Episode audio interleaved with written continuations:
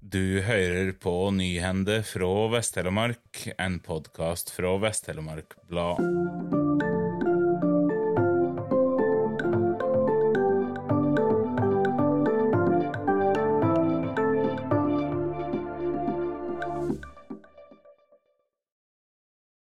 Å være flyktning i Vest-Telemark uten førerkort og bil kan være utfordrende, men nå får flyktningene i Vinje hjelp til å komme seg rundt i helgene.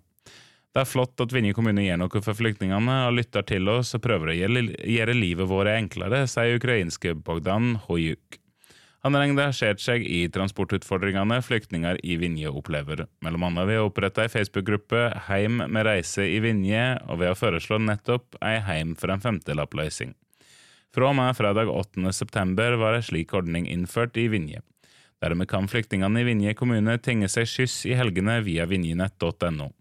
Skyssordninga gjelder innenfor Vinje kommune sine grenser i tidsrommet fra fredag klokka 12 til og med søndag klokka 24, melder Vinje kommune på sine heimesider.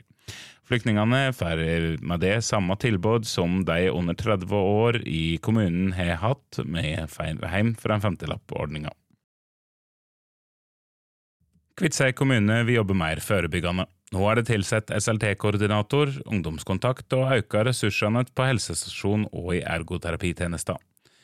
Politikerne har vedtatt ny helse- og omsorgsplan. Den er tydelig på at vi skal dreie innsatsen fra behandling til mer forebygging, sier Tormod Moi Felle til Vest-Telemark Blad. Han er kommunalsjef for velferd i Kviteseid og forteller at kommunen nå er godt i gang med å dreie tjenestene. I mars fikk Kviteseid kommune halvannen million kroner i tilskudd fra statsforvalteren til å jobbe rusforebyggende. Tilskuddet vil bli brukt til å lønne en SLT-koordinator og en ungdomskontakt. SLT står for samordning av lokale rus- og kriminalitetsforebyggende tiltak, og Kviteseid har vært den eneste kommunen i Vest-Telemark som ikke har hatt denne funksjonen. Det blir det nå en endring på når Jon Gramstad er tilsatt i stillinga. Framtiden i våre hender har rangert alle kommunene i Norge etter hvor mye de har klart å kutte i klimagassutslipp. Aller best i Vest-Telemark er Kviteseid. Klimaarbeid er noe som blir nedprioritert i altfor mange kommuner, og da er det ekstra imponerende å se små kommuner som gjør en skikkelig innsats, sier Anna Bakken Riise, som er leder i Framtida i våre hender. Organisasjonen mener klima fort blir glemt i lokalpolitikken, og ønsker å vise at lokalpolitikere kan gjøre viktige klimagrep. Egil Jøsendal har vært representant for MDG i kommunestyret siden 2019, og mener kommunen med avgrensa midler har fått til mye. Vi har folk som er interessert, det er det som gir resultat, mener han. Jøsendal har vært pådriver for at Kviteseid skal bli mer klimavennlig, og trekker fram arbeidet som har blitt gjort de siste åra med å gjøre kommunale bygg mer energieffektive.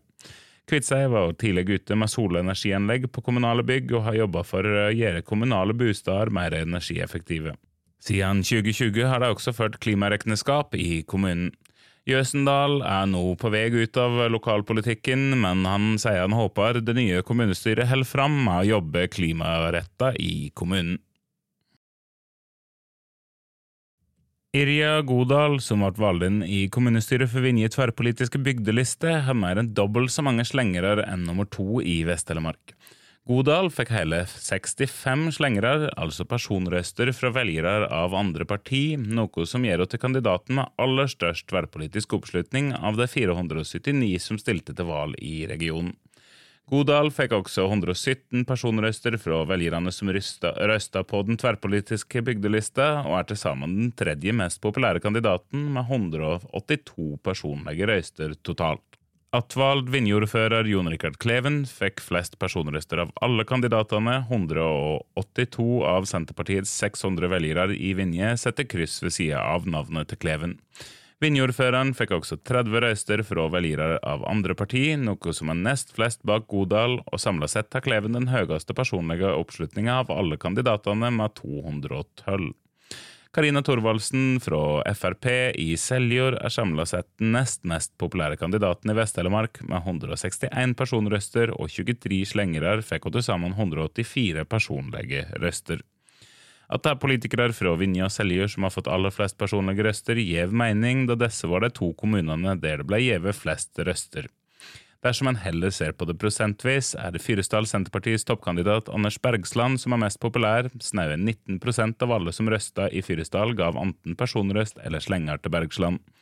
Motstykket hans i Arbeiderpartiet, ordfører Erik Skjervagen, følger på plassen bak med en personlig oppslutning på 14,3% Men det er verdt å merke seg at Bergsland var mer populær blant Arbeiderpartivelgerne enn Skjervagen var blant Senterpartivelgerne.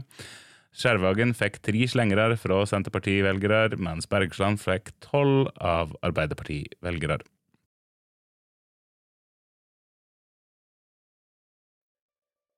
Tusen takk for at du hørte på. Denne sendinga var produsert og presentert av Asla Kringhus for Vest-Telemark Blad, og musikken er laga av Symre Taugbølbang.